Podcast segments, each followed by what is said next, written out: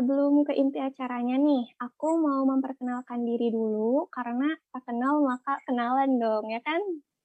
Halo semuanya, kenalin aku Anggi Nuraini Putri. Kalian bisa panggil aku apa aja, bisa Anggi juga.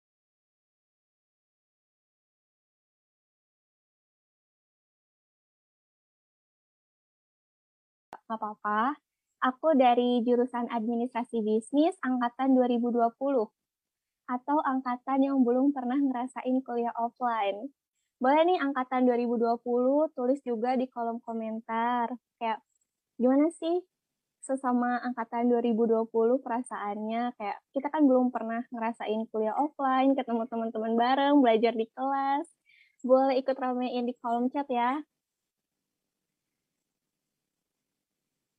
Tapi ini buat angkatan 2020 nggak boleh kalah semangatnya sama Abang Tete angkatan 2019, 2018, bahkan 2017 yang ikut ngobar liar pada hari ini. Oh ya nih, mana kehebohan angkatan 2021 yang baru aja terjun di dunia perkuliahan. Boleh banget ramein kolom komen juga ya. Pokoknya hari ini kita santai aja, tapi tetap dapat insight baru yang sangat menarik gitu.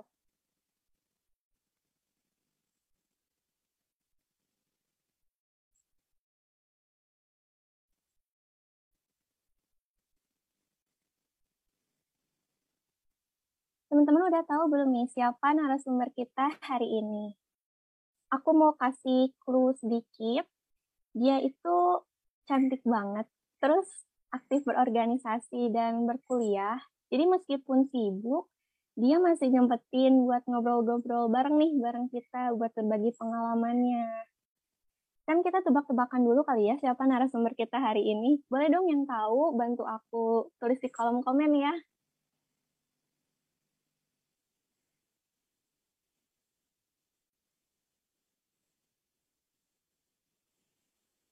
Wah ternyata teman-teman di sini udah bener nih. Jawabannya itu Teh Syifa Agustini Fauziah yang bakalan jadi narasumber kita pada hari ini. Uh, buat teman-teman yang belum kenal nih, aku mau kenalin dulu sedikit tentang Teh Syifa. Teh Syifa ini merupakan mahasiswa aktif administrasi bisnis Telkom University angkatan 2018. Teh Syifa ini masih anak kuliahan sama kayak kita semua. Tesiva juga punya banyak banget nih pengalaman organisasi seperti pernah menjadi supervisor di Exaf Hima Adbis pada tahun 2020, kemudian menjadi staff di Exaf Hima Adbis pada tahun 2019. Di tahun 2018-nya Tesiva juga pernah intern di Hima Adbis pada Exaf Team dan aktif di generasi baru Indonesia atau Genbi. Teh Syifa juga punya beberapa pengalaman intern di perusahaan-perusahaan keren yang ada di Indonesia. Kayak Teh Syifa itu pernah menjadi project admin di Telkom Indonesia, terus pernah intern juga di Direktorat Kemahasiswaan Telkom, menjadi seller acquisition di RGX Tokopedia. Selain itu, Teh Syifa juga penerima beasiswa generasi baru Indonesia atau GENBI. Sebagai sesama mahasiswa, aku ini cukup iri ya soal Teh Syifa karena masih muda tapi pengalamannya udah kece banget. Semoga kita bisa belajar banyak banget hal baru dan bisa menjadi the next Shiva ya teman-teman. Langsung aja yuk kita panggil Teh Shiva Agustini Fauzia. Halo Teh Shiva. Hai teman-teman. Apa kabarnya nih Teh? Baik, Anggi sendiri gimana kabarnya? Alhamdulillah baik juga. Teh Syifa lagi di mana nih? Di rumah? Iya, lagi di rumah. Di Mal malam mingguan nggak ke mana-mana nih ya Teh? Enggak dong, kan hujan. Oh iya.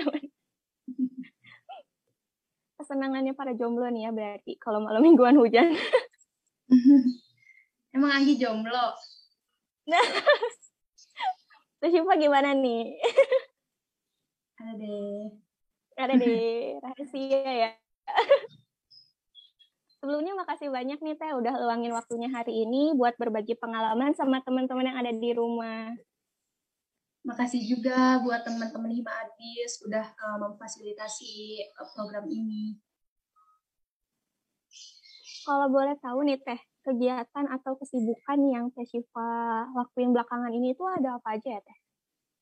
Uh, buat kesibukan belakangan ini paling uh, full time di intern di intern Telkom. Uh, kayak ngerjain di sini aku ngerjain beberapa proyek juga. Jadi setiap per dua minggu sekali atau sebulan sekali itu uh, ganti-ganti proyek uh, habis itu selain intern juga aku uh, lagi siap-siap buat nyusun skripsi selain intern dan nyusun skripsi juga aku masih aktif di uh, komunitas generasi baru Indonesia. Jadi komunitas baru generasi baru Indonesia itu adalah komunitas penerima uh, beasiswa Bank Indonesia. Gitu Anggi. Jadi Teh Syifa ini bisa dibilang sebagai mahasiswa iya, terus magang juga iya, terus lagi sibuk mulai skripsian ya Teh? Iya, tapi buat mata kuliah itu udah nggak ada karena uh, sepenuhnya kan dikonversi sama kampus Merdeka ya. Jadi aku di kampus itu cuman kayak nyusun aja sih sebenarnya. Wah, jadi penasaran nih apa itu kampus Merdeka. Mungkin teman-teman juga penasaran banget nih ya kampus Merdeka itu kayak apa, terus kayak gimana. Nanti kalau teman-teman yang penasaran, boleh langsung aja tulis di kolom chat ya. Nanti kita bakalan tanyain langsung ke Teh hari ini. Jadi Tashifa ini meskipun dalam keadaan online masih tetap produktif sama aktif nih ya, keren banget tuh. Langsung aja yuk Teh kita kayak ngobrol-ngobrol tentang tema kita hari ini yaitu start your career journey from internship. Karena mungkin teman-teman di sini udah pada penasaran semua nih karena udah banyak banget yang nonton kita hari ini. Kalau boleh tahu nih Teh, Teh Siva ini pernah magang di mana di mana aja nih Teh? Sebenarnya aku magang itu baru mulai dari tahun ini. Di tahun di tahun 2020 itu udah ada planning mau magang. Cuman kebetulan di semester 6 ini emang wajib prodi juga kan buat magang. Nah, e, dari situlah aku magang di uh, Tokopedia RGX Bandung. Habis itu uh, selang beberapa lama aku magang juga di Ditmawa, jadi di uh, kemahasiswaan kampus. Itu periodenya itu bareng sama si uh, Tokopedia RGX. Jadi selesainya juga bareng. Terus habis itu juga sekarang aku lagi magang di uh, Telkom Indonesia uh, melalui kampus Merdeka. Kalau boleh tahu nih Teh, tadi kan disebutin Tokopedia RGX. Nah, itu tuh RGX itu apa ya Teh? Jadi Tokopedia RGX itu adalah uh, regional grow expansion. Jadi kasarnya tuh kayak apa ya? Cabangnya kali ya, cabang kantornya itu.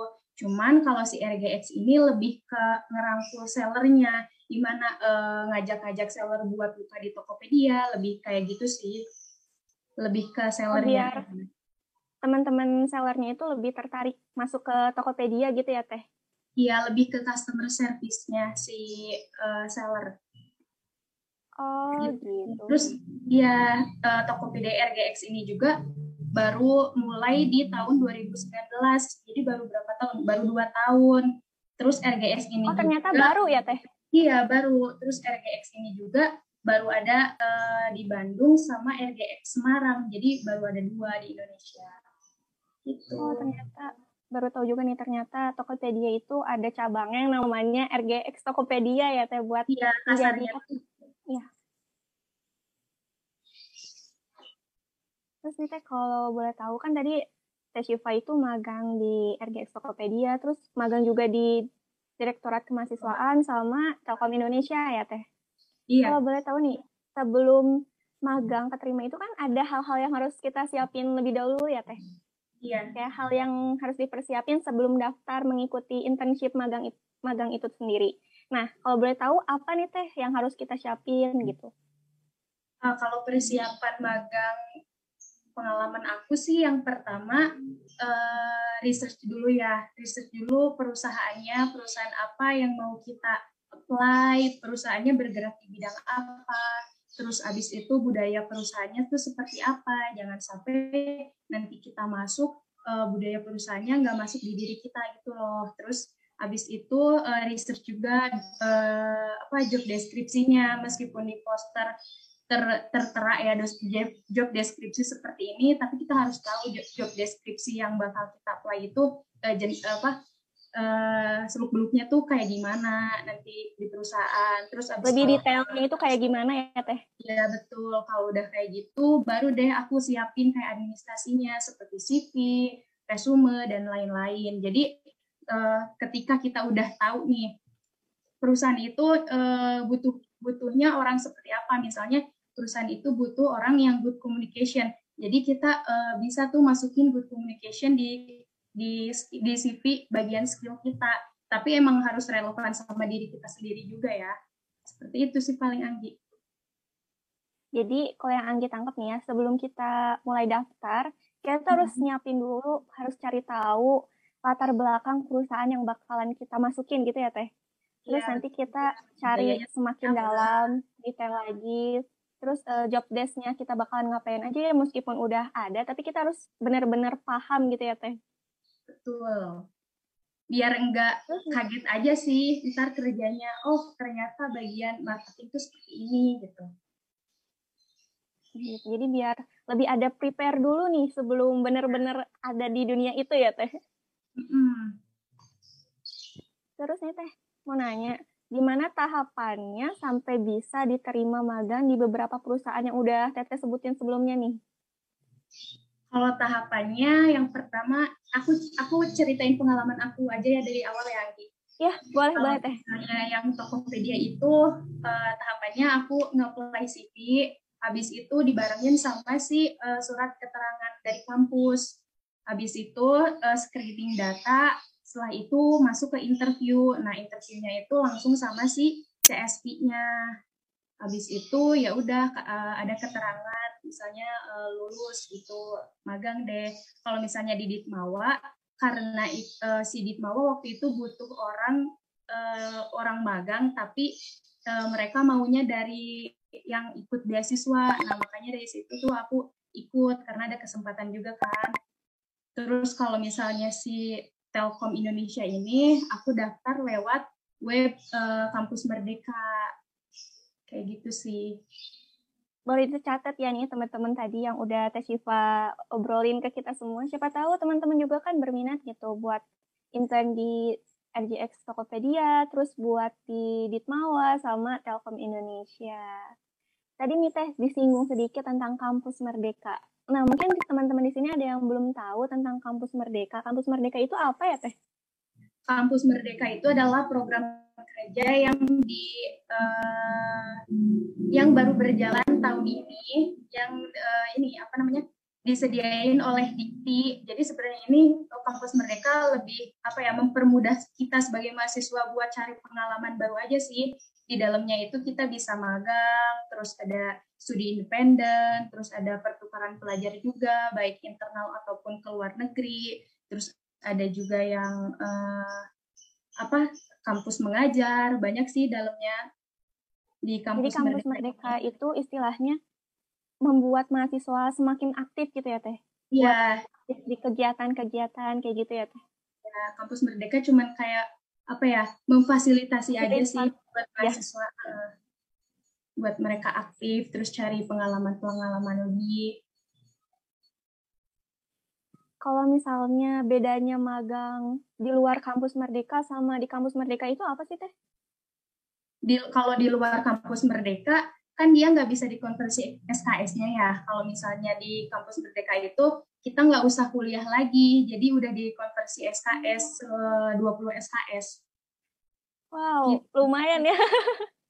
Iya, tapi itu menyesuaikan sama kebutuhan SKS kita sih. Kebetulan kan aku semester akhir, terus SKS yang aku uh, penuhi tinggal 12 eh iya tinggal 12 lagi enamnya skripsi. Nah baru ya tar yang dikonversinya itu yang 6 SKS itu dari uh, magang. Itu jadi yang dikonversi itu 6 SKS lain skripsi ya teh? Iya buat aku. Karena aku butuhnya cuma segitu sih oke okay. kalau bisa dari tahu, ya, bisa dari semester 5 kalau kampus merdeka itu Oh, baru mulainya semester 5. Jadi kayak angkatan yeah. ini angkatan 2020 yang baru semester 3 belum bisa ikut ya, Teh?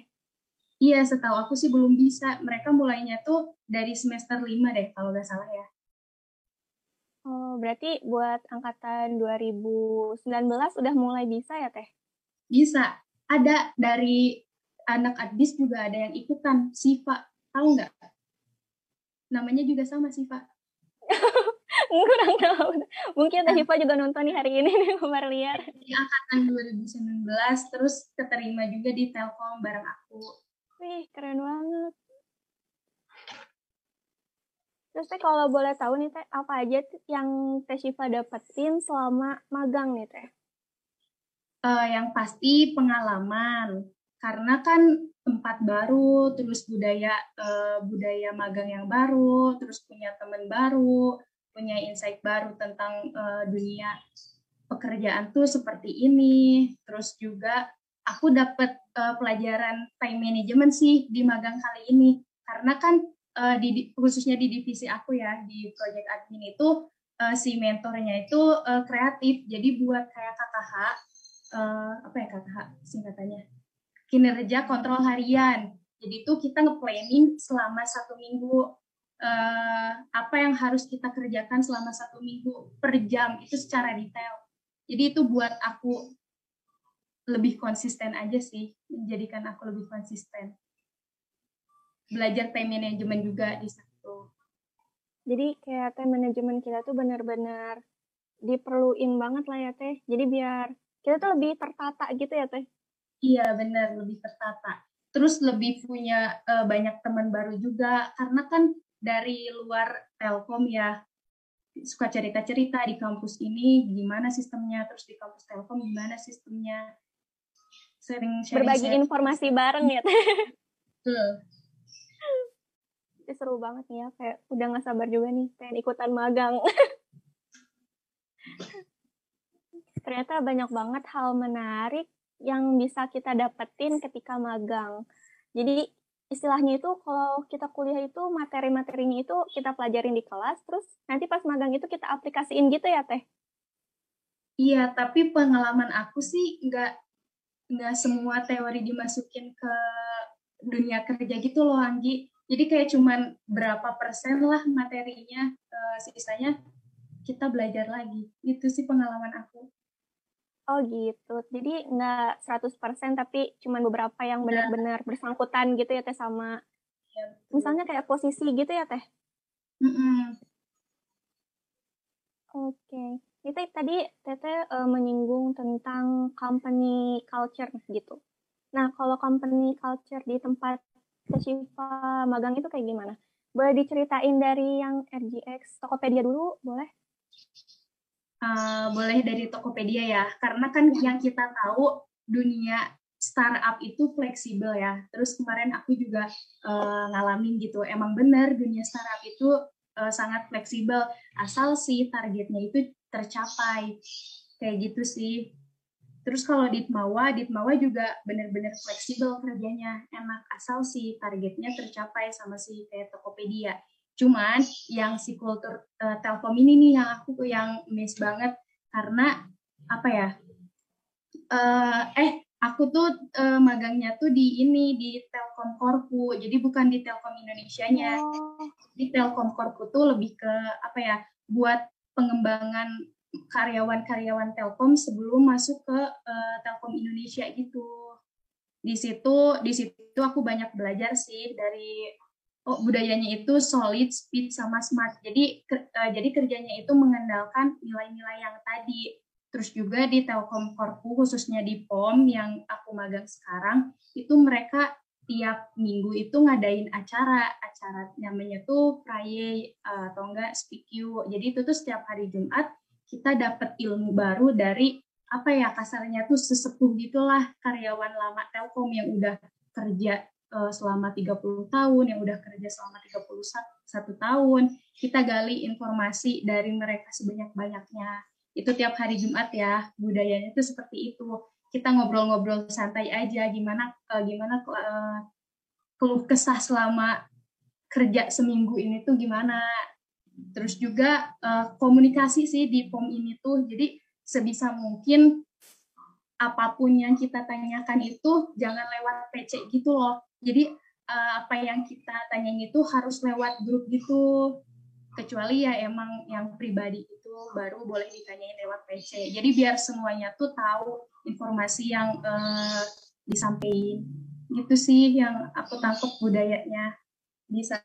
Jadi kalau misalnya di Tokopedia sama di Mawa itu lebih fleksibel, tapi kalau misalnya di Telkom itu kayak lebih kebersamaannya gitu ya Teh? Jadi yeah. kita tuh lebih dituntut biar bareng-bareng gitu ya Teh? Iya, terus banyak juga sih belajar belajar tentang apa ya dari karyawan-karyawan lama gitu.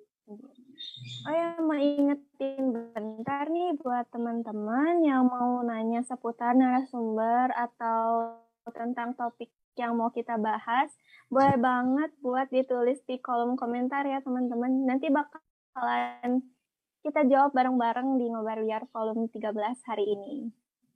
Oke, kita lanjut nih ya Teh, karena semakin Boleh. sini pembahasannya semakin menarik banget. ini Teh kalau boleh ada ini ya, time management gitu ya Teh? Iya, buat KKH. Nah ya, kalau misalnya Teh Shiva itu time managementnya ngatur segalanya itu gimana ya Teh? Biar kita tuh tetap tertata gitu. Kalau time management aku sendiri, aku baru aplikasi itu uh, akhir-akhir ini ya.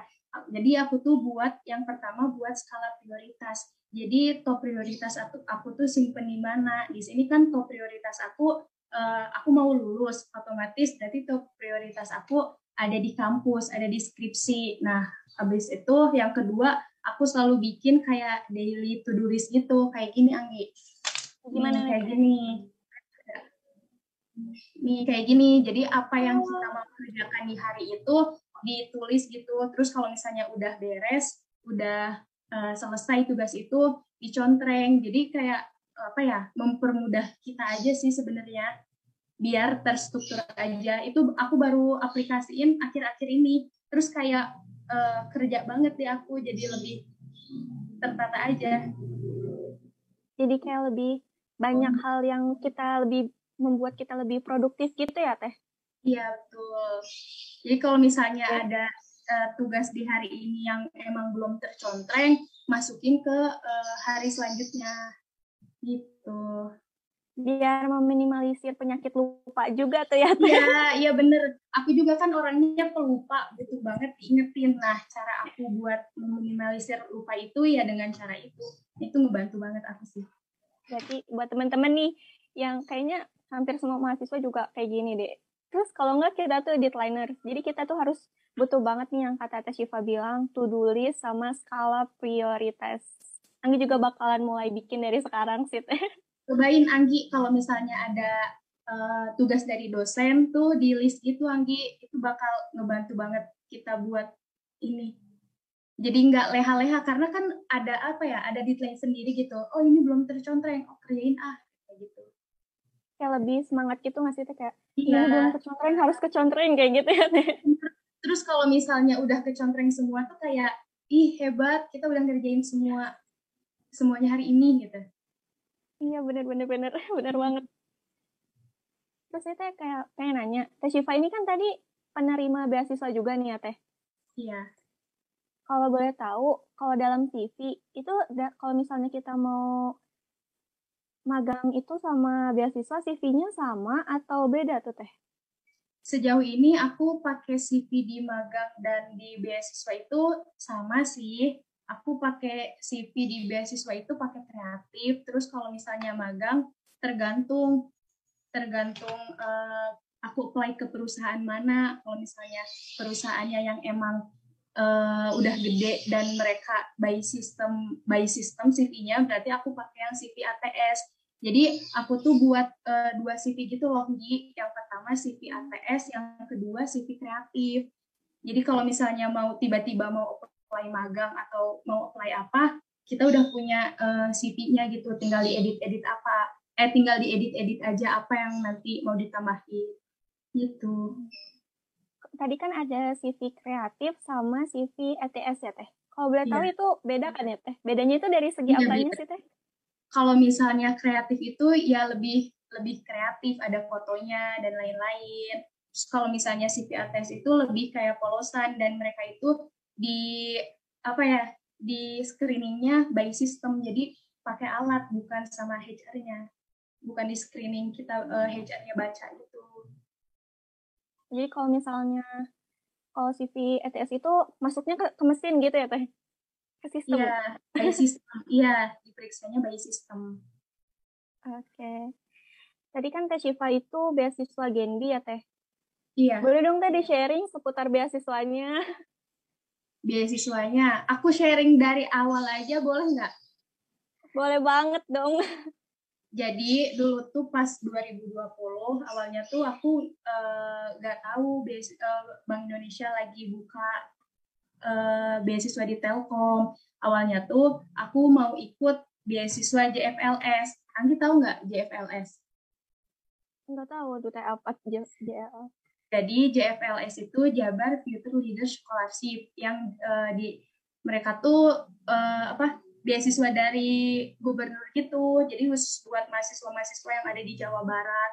Aku udah nyiapin tuh ya syarat-syaratnya. Syarat-syaratnya juga lumayan emang cukup banyak dan susah gitu. Aku udah nyiapin resume, CV dan lain-lain. Tapi di tengah-tengah tuh ada informasi mengenai beasiswa Bank Indonesia Nah, di situlah karena aku udah siap-siap CV, resume, dan lain-lain, aku daftar lah iseng-iseng. Terus taunya, eh, alhamdulillahnya keterima di beasiswa Bank Indonesia.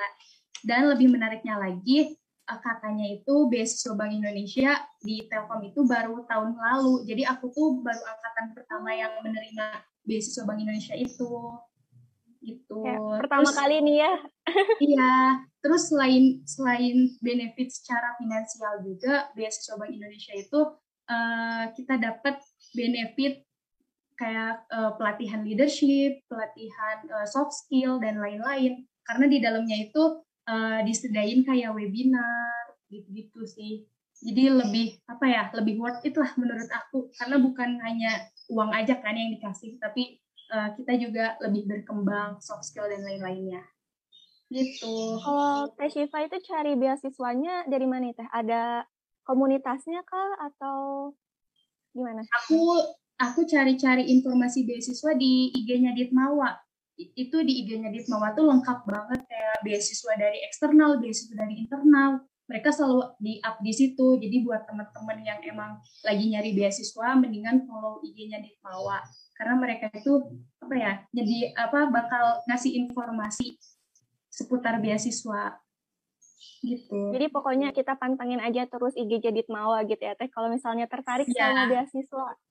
Iya, kalau misalnya tertarik sama beasiswa uh, Bank Indonesia, follow aja IG-nya Genbi underscore tel. Iya, Genbi underscore tell you. Di situ kalau misalnya lagi ada pembukaan uh, member baru, bakal diumumin. Nah, boleh banget tuh teman-teman di follow ya. Siapa tahu jadi tertarik juga buat ikutan karena nggak cuma tadi yang udah Teh Syifa sebutin, kita tuh bakalan ada peningkatan soft skill, terus ada webinar juga gitu ya Teh.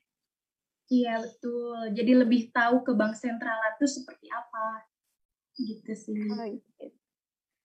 Terus Teh mau nanya dong Teh, kalau menurut Teh Syifa, contoh kegiatan atau hal-hal produktif yang bisa kita lakuin untuk menunjang karir magang kita itu apa ya teh?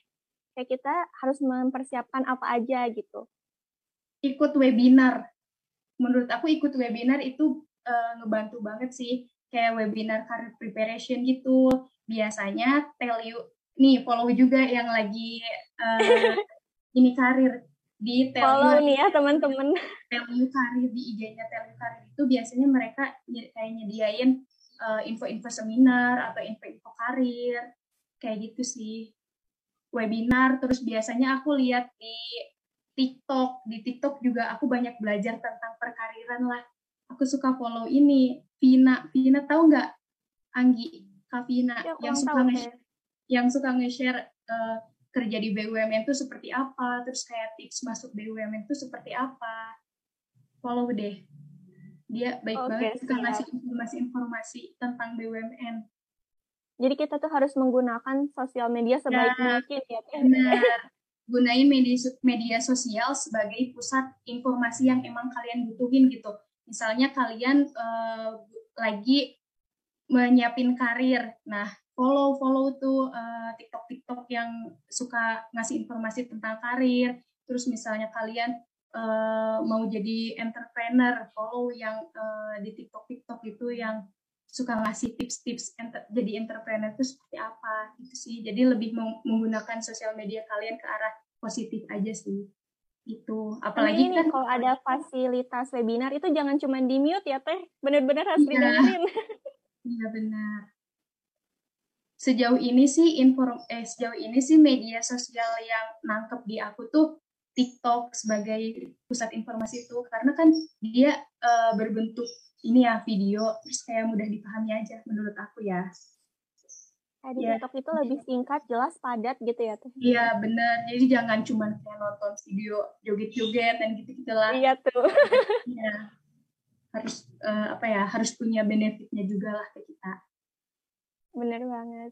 Sama ini teh mau nanya tips and trick buat lulus beasiswa atau magang itu apa ya teh? Boleh di-share ke teman-teman semua nih buat yang mau mulai daftar. Apa ya? Kayaknya aku hoki aja sih Anggi. enggak deh, enggak. Tapi di, di dalam hoki itu juga ya ada usahanya. Yang pertama tipsnya incer kalau misalnya uh, tips magang incer perusahaannya terus uh, misalnya di IG IG-nya uh, eh, mereka punya IG-nya misal Living in Telkom uh, follow IG-nya terus di sana juga mereka kan nyediain kayak seminar gitu-gitu ya terus ikutin aja uh, kalau misalnya oh ini ada tips juga follow uh, HR perusahaan yang kalian tuju di LinkedIn. Itu bakal bantu banget sih karena mereka kan bakal ngasih informasi-informasi uh, tips tips uh, masuk situ ya. Misalnya tips uh, masuk eh, tips intern masuk perusahaan itu. Itu sangat membantu banget sih menurut aku. Sejauh ini uh, LinkedIn juga uh, ngebantu aku banget selain TikTok itu terus kalau misalnya beasiswa uh, tipsnya apa ya? Paling kalian cari sih instansi mana yang emang lagi kerjasama sama si kampus kita. Karena kan nggak semua instansi yang menyediakan beasiswa bekerja sama dengan kita ya. Contohnya kayak Bank Indonesia aja baru baru kerjasama tahun kemarin sama Telkom. Jadi ya cari informasi sedetail mungkin lah. Kalau boleh tahu nih teh perbedaannya beasiswa yang apa ya tadi yang punya koneksi nih sama kampus kita sama yang enggak itu apa ya teh kalau misalnya buat uh, punya koneksi itu biasanya uh, mereka punya kuota khusus buat mahasiswa Telkom gitu loh kalau misalnya kerjasama. Oh. Misalnya buat mahasiswa Telkom nih 100. Nah, kayak lebih apa ya? Lebih peluangnya tuh lebih gede aja. Gitu. Oh, baru tahu juga nih. Jadi kita utamain dulu carinya yang punya koneksi lah ya sama kampus kita ya, Teh. Ya, kayak misalnya beasiswa aku tuh kemarin cari informasi mengenai beasiswa Jarum. Ternyata itu kita nggak bisa daftar karena uh, kampus kita sendiri itu nggak kerjasama sama si Jarum. Gitu. Banyak juga di Telkom tuh yang nyediain beasiswa internal. Kalian pokoknya follow aja yang lagi nyari beasiswa di IG-nya Ditmawa. Itu mereka bakal ngasih informasi-informasi seputar beasiswa dan lain-lain sih. Oke deh, Nah, kerasa ya Teh, ini kita udah ngobrol-ngobrol dari awal banget terus sampai kita melipir sedikit ke beasiswa Gendi ya Teh. Ini teman-teman yang nonton masih banyak banget nih, berarti teman-temannya tuh masih stay, terus masih penasaran juga sama apa yang kita obrolin hari ini. Ya teman-teman, hari ini kita bakalan memasuki ke sesi Q&A. Nah, sebelumnya kita itu udah open Q&A di Instagram Stories-nya Hima at You. Dan kita ini bak apa ya, bakalan jawabin pertanyaan-pertanyaan dari situ terlebih dahulu ya teman-teman. Nanti buat pertanyaan chat yang hari ini masuk juga bakalan tetap kita jawab satu persatu. Ini teh ada pertanyaan yang pertama dari Gasani NKS. Untuk magang di Tokopedia, bagian apa saja yang bisa dipilih teh? untuk uh, Tokopedia yang general itu kayaknya kalau misalnya tes uh, Adis itu sendiri masuk ke marketing bisa juga tuh atau enggak masuk ke bisnis develop karena aku kemarin magangnya di RGX ya Jadi aku masuknya ke bagian marketing, temanya di seller akuisisi gitu sih. Jadi uh, masuk bagian mana itu lebih kayak menyesuaikan dengan skill yang kita punya sama jurusan aja sih. Oh gitu. Jadi kayak sebenarnya terbuka banyak, tapi kita menyesuaikan sama jurusan yang kita ambil gitu ya Teh? Ya. Oke, semoga Gasani pertanyaannya terjawab ya. Selanjutnya ada pertanyaan dari self underscore Kalisa. Apa aja tips khusus yang harus diperhatiin banget ketika apply internship? Tips khusus nih Teh. Tips khusus yang sama aku sebutin tadi di awal, tips khususnya sih cari informasi uh, sebanyak-banyaknya ya. Apakah uh, perusahaan itu lagi buka magang atau enggak. Terus connect HR-nya di LinkedIn karena uh, uh, apa HR-nya itu bakal ngasih informasi-informasi seputar dunia perusahaannya mereka gitu gitu sih gitu. terus ini ada pertanyaan lagi dari karena banyak banget nih ya teman-teman yang nanya. Dari Rahmaini underscore seberapa besar pengaruh pengalaman magang dalam proses prospek karirnya seberapa besar? Lumayan besar sih karena kan uh, magang ini apa ya istilahnya tuh bekal kita buat terjun di dunia profesional nanti. Jadi ketika kita udah udah mempersiapkan dengan uh, pengalaman magang, otomatis kalau udah lulus nanti kita nggak nggak kaget aja gitu. Oh dunia kerja tuh seperti ini. Itu juga. Terus magang juga kan membangun relasi. Jadi tahu sama mentor-mentornya. Terus kalau misalnya mereka uh, apa ya ada lowongan kerja di perusahaan mereka kalau misal kita deket sama mentornya suka dikasih ini lagi buka di perusahaan kita paling gitu sih sejauh sejauh yang aku tahu. Jadi ya sangat besar sih ininya pengaruhnya. Jadi pengaruhnya itu magang lumayan apa ya cukup besar lah ya teh buat ya. kita nanti karir ke depannya gitu ya teh. Makanya kita perlu banget mempersiapin magang dari sekarang gitu ya teh. Maksudnya kayak kita mulai tahu cari latar belakangnya yang tadi yang kayak tes Siva yeah. gitu. Kayak kita cicil cicil dulu informasinya gitu ya teh iya nyicil informasi. Semoga terjawab pertanyaannya ya. Buat ini tak ada pertanyaan lagi dari Zabrian. Cara biar anak internship tuh bisa berbaur dengan lingkungan kerja seperti apa? Caranya uh, kalau misalnya ada ada yang kurang dipahami itu sebisa mungkin ditanya ditanyain ke mentornya ini gimana? Terus kalau misalnya uh, ada yang bingung tanyain aja ini gimana? Dengan dengan begitu kan membuka apa ya komunikasi ya. Jadi ya menurut aku dengan kayak gitu jadi lebih akrab sih sama lingkungan uh, lingkungan kerjanya. Jadi kayak kita tuh lebih apa ya mendekatkan diri gitu ya teh jangan malu bertanya kalau misalnya di dunia magang tuh kalau di dunia perkuliahan juga sih seperti itu ya kalau bertanya sesat di jalan ya kan. Nah, terus uh, yang menarik juga di kultur di POM yang aku lagi magang ini sendiri, itu mereka harus harus nanya pagi petang. Jadi uh, setiap pagi atau setiap uh, petang tuh harus kita harus punya pertanyaan gitu loh. Jadi buat biar kebiasa aja sih, biar nggak takut nanya atau gimana. Oh. Jadi emang ada itu juga termasuk itu ya teh, culture-nya juga ya teh? Iya. Namanya pagi petang, tanya pagi petang. Tanya pagi petang. Oke. Semoga terjawab ya buat pertanyaannya. Selanjutnya ada pertanyaan dari Sansanjaya 03. Apa saja yang harus dipersiapkan jika ingin magang di sebuah perusahaan? Ini mungkin tadi dia joinnya oh, sinyalnya mungkin lagi kurang-kurang, jadi boleh dibahas lagi. Iya, gak apa-apa. Jadi uh, persiapan buat magang di perusahaan itu yang pertama uh, kita research mengenai perusahaannya. Kita harus tahu uh, perusahaannya itu bergerak di bidang apa, budaya perusahaannya itu seperti apa. Jangan sampai nanti pas kita apply nggak tahu sama sekali perusahaannya bergerak di bidang apa. Terus juga habis itu kita cari uh, job deskripsi secara um, apa ya secara mendalam meskipun di poster sudah tertera job deskripsi marketing seperti ini seperti ini seperti ini. Tapi kita harus tahu lebih dalam ya sebelum kita apply itu. Terus yang ketiga siapin syarat administrasi kayak CV resume dan lain-lain. Itu sih. Yang keempat doa dan tawakal.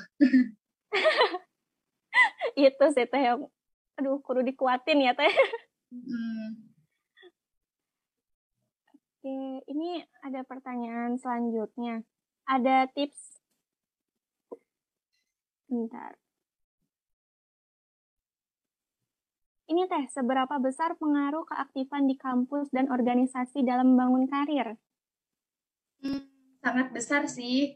Lagi-lagi jatuhnya ke relasi. Karena kalau misalnya kita aktif di kampus, kita kenal sama banyak orang, otomatis informasi-informasi itu uh, kayak bakal ngalir aja gitu gitu sih menurut aku berpengaruh banget sih jadi relasi. semakin luas relasi iya. kita juga semakin luas dapat info gitu ya teh semakin iya, banyak dapat info baru iya jadi buat teman-teman jangan lupa buat ikutan organisasi nih ya biar relasinya kita juga nambah meskipun online ya tapi tetap aja gitu organisasi itu penting ya kan teh betul Terus ini kita ke pertanyaan selanjutnya ya Teh. Boleh.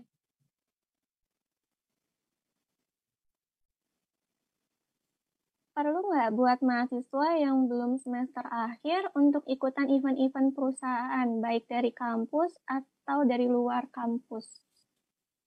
Hmm, perlu sih menurut aku. Jadi lebih tahu aja gitu nabung informasi oh di perusahaan ini tuh kalau rekrut anak intern tuh seperti ini. Jadi ketika kita udah memenuhi persyaratan uh, magang di perusahaan itu jadi lebih prepare aja sih.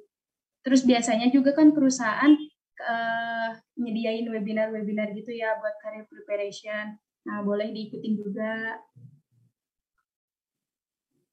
Jadi emang itu tuh perlu banget gitu ya teh. Ikut event-event ya, webinar karena kita itu semakin apa ya, banyak info ilmu tambahan gitu ya teh.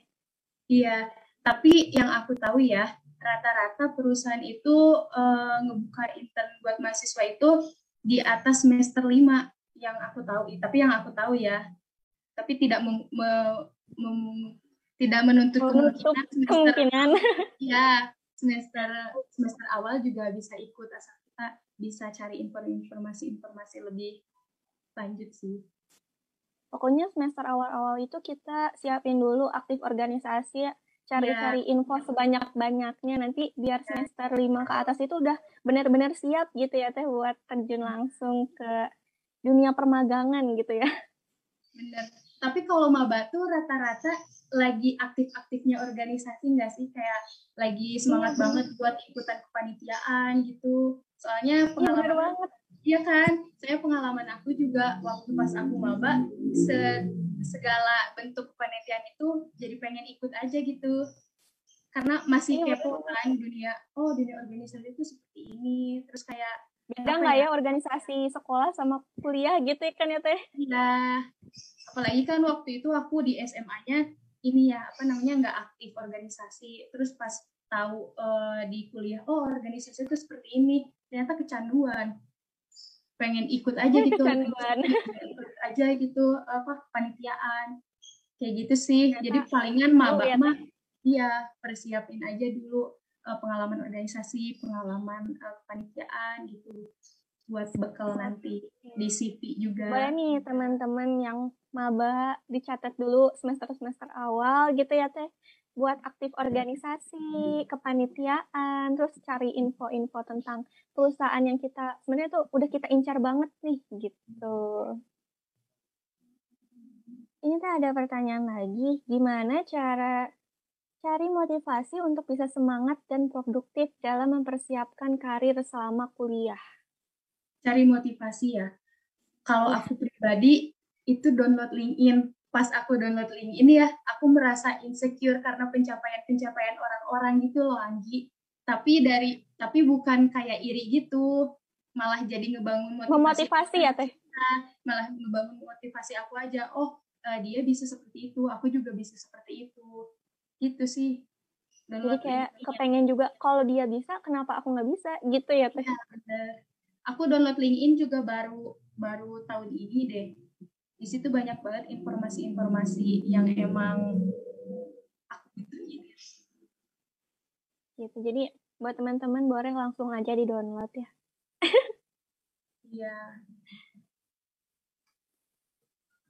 Ini teh ada pertanyaan lagi. Apa aja sih teh yang harus dipersiapin biar mendapatkan karir yang sesuai sama minat bakat yang dimiliki? Uh, apa aja ya? Upgrade skill palingan ya. Kayak misalnya uh, kita minatnya kerja di bidang marketing, ya kita perdalam ilmu marketing itu seperti apa. Karena teori marketing yang didapat di uh, apa namanya perkuliahan itu masih masih berapa persennya ilmu marketing di uh, dunia kerja itu seperti itu. Terus kayak bisa juga selain upgrade skill bisa juga ikut kayak sertifikasi marketing itu kan jadi apa ya? Jadi tambahan plus lah buat si HR buat uh, ngerekrut. Paling seperti itu sih ikut uh, pelatihan uh, marketing kayak mini course gitu-gitu sih. Jadi kayak lebih ikutan pelatihan yang kita minat gitu ya teh. Kita tertarik. Iya. Jadi biar sebelum kita terjun langsung kita tuh udah tahu apa aja gitu yang harus kita siapin. Jadi kayak sebelumnya tuh kita minat terus ternyata bisa aja kita tuh mundur gitu kan ya teh? Ternyata ini tuh nggak sesuai sama yang aku harapin gitu kan ya teh? Ya Anggi sekarang semester berapa?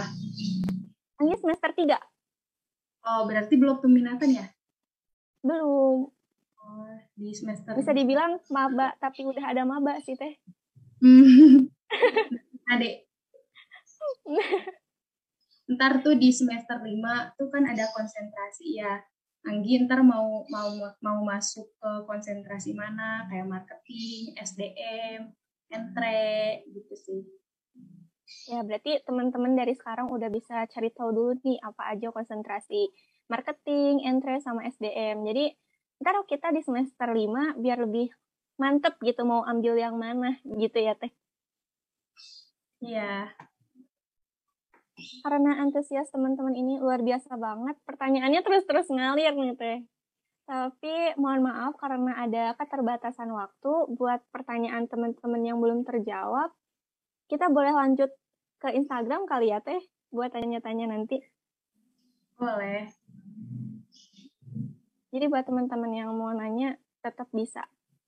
Buat siapin terus pertanyaannya hari juga udah semakin sore nih teh berarti kita udah ngobrol-ngobrol banyak banget nih ya teh mulai dari kesibukan teh Shiva, persiapan sebelum magang, company culture, CV, beasiswa, terus time management, dan masih banyak lagi hal menarik yang udah kita obrolin tadi selama ngobar liar volume 13. Mengucapkan terima kasih banyak. Gimana sih? Semoga informasi yang aku sampaikan di sini uh, dapat diterima sama teman-teman gitu. Semoga teman-teman ngerti sama apa informasi yang aku sampaikan. Karena jujur, aku baru pertama kali sharing-sharing kayak gini kan di sosial media, jadi kayak gugup aja gitu. Kalau misalnya Tapi baru pertama kali Uji udah menarik banget nih Teh. udah seru banget nih ngobrol-ngobrol bareng Teh Siva sampai nggak kerasa waktunya kalau misalnya dari teman-teman ada yang masih kepo atau masih pengen nanya seputar tentang kampus Merdeka atau tentang uh, beasiswa Bank Indonesia juga boleh ditanyain aja ya nanti. Ya, buat teman-teman boleh langsung nanya aja ya nanti. Dan terima kasih juga nih buat Teh Shiva yang udah berbagi bareng kita, udah luangin waktunya hari ini. Terima kasih juga buat teman-teman yang udah nonton Ngobar Liar Volume 13 mau ingetin juga nih buat teman-teman nanti bakal ada ngobar liar volume 13 volume 14 sorry jadi teman-teman jangan lupa buat ikutin terus ngobar liar karena di setiap bulannya ini kita bakalan bahas hal-hal yang berbeda yang pastinya akan menambah insight baru nih buat kita semua. Jadi meskipun kegiatan kita ini online, tapi kita tetap mendapatkan hal-hal baru di luar di luar jam perkuliahan gitu. Boleh dong Teh kasih closing statement sebelum kita menutup ngobar liar hari ini? Uh, intinya tuh segala sesuatu yang kalian uh, mau mau kejar itu kalian harus punya target tuh. terus gali aja informasi sedalam-dalamnya gunain sosial media kalian sebagai pusat emang yang informasi kalian butuhin misalnya kalian butuh informasi mengenai career preparation ya berarti di sosial media kalian harus uh, follow tuh uh, siapa aja yang suka nge-share tentang career preparation dan lain sebagainya paling dari aku segitu aja sih Anggi Pokoknya kita harus manfaatin sosial media yang kita punya sebaik mungkin gitu ya Teh. Betul. Sekali lagi terima kasih banyak kepada Teh Syifa, narasumber hebat kita hari ini. Terima kasih juga buat teman-teman semua. Sampai jumpa di Ngobar Liar Volume 14. Terima kasih semuanya. Makasih banyak teman-teman Anggi, teman-teman Ima. Terima kasih.